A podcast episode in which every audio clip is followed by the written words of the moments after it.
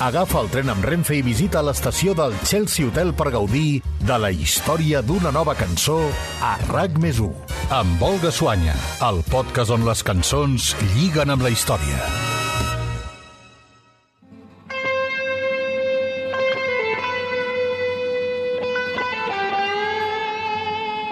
En una escena de la pel·lícula The Commitments, un jove d'un barri obrer del Dublín dels 80 que està boig pel sul intenta convèncer uns amics per formar la seva pròpia banda mentre miren bocabadats una actuació de James Brown per la tele. Els seus companys veuen complicat que sent blancs tinguin cap opció, però ell els deixa anar la frase definitiva. The Irish are the blacks of Europe. Els irlandesos són els negres d'Europa i els dublinesos són els negres d'Irlanda i els dublinesos del Northside són els negres de Dublín. Així que digueu una vegada i en veu alta «Soc negre i n'estic orgullós». I'm black and I'm proud.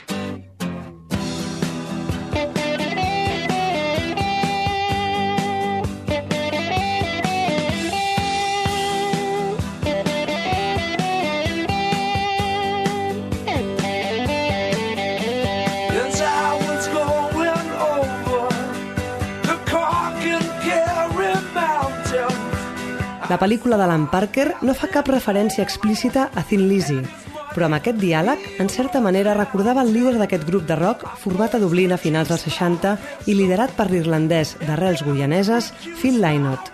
Si un negre com Lynott havia pogut encapçalar una banda de blancs, per què ells no podien formar un grup de música negra?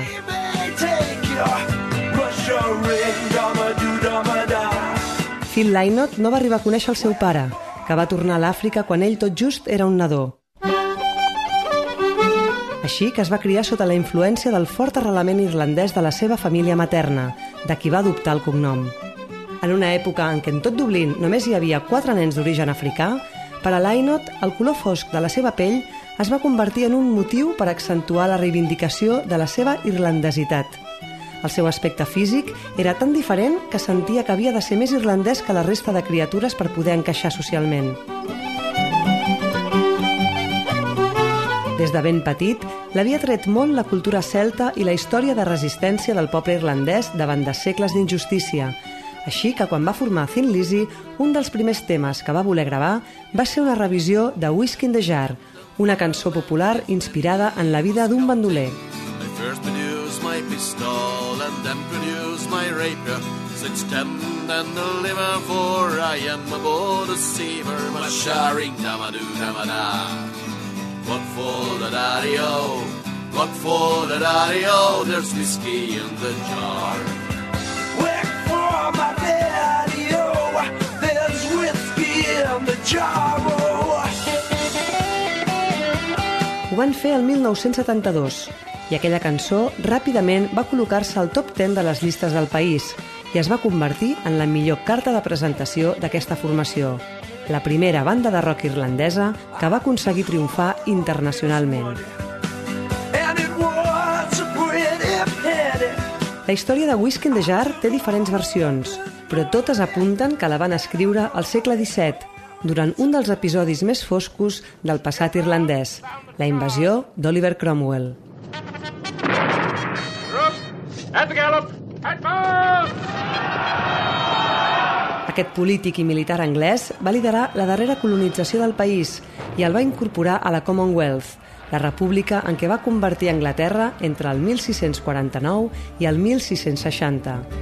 Durant aquell període van proliferar els personatges que miraven de buscar-se la vida al marge de les lleis que van imposar els anglesos i Whisky in the Jar explica la vida d'un d'ells. Wind was a torrent of Originàriament va ser una cançó popular titulada The Highwayman and the Captain, que relata en primera persona la història d'un bandit traït per la seva dona. Com que es tracta d'una peça de tradició oral, n'hi ha diverses variacions, especialment pel que fa a les localitzacions geogràfiques a què fa referència, així com els noms que s'hi citen. Però a banda d'aquests detalls, en totes elles el protagonista és un personatge que es dedica a robar a grans senyors i propietaris anglesos, la qual cosa el convertia en una figura admirada i enaltida pel poble com un heroi.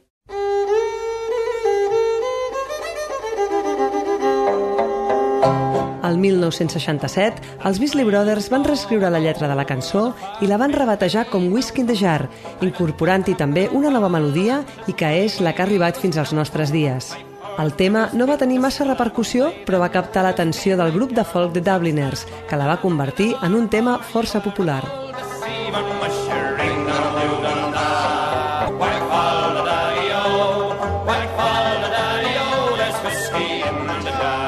La versió de rock que en va fer Thin Lizzy a començaments dels 70 va donar una dimensió nova a Whiskey in the Jar i la va convertir en una peça que més tard versionarien altres grups en diferents estils, com The Pogues, Bell and Sebastian i Metallica.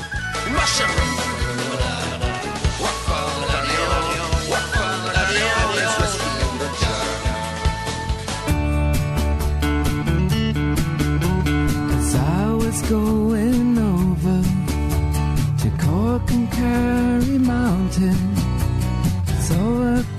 Captain Pharaoh and his money he was counting. First produced my pistol, then produced my rapier. I said, stand down to deliver. Oh, the devil, he may take ya. Aquesta darrera versió és sens dubte una de les que més ressò ha tingut i el 2000 va fer que Metallica rebés el Grammy a la millor interpretació de hard rock. Quan la banda californiana la van registrar, Phil Lynott ja feia 10 anys que havia mort a causa d'una sobredosi d'heroïna i interpretar-la va ser l'homenatge que James Hetfield va voler fer a qui va ser un dels seus compositors preferits. O almenys això va dir el 2019 en un concert que la banda va oferir al castell de Slane al nord-est d'Irlanda. El cas és que, com passa tantes vegades, la versió s'ha fet molt més popular que la cançó que la va inspirar. I 20 anys més tard, encara hi ha molts fans de Metallica que creuen que Whiskey in the Jar és una cançó seva. Whack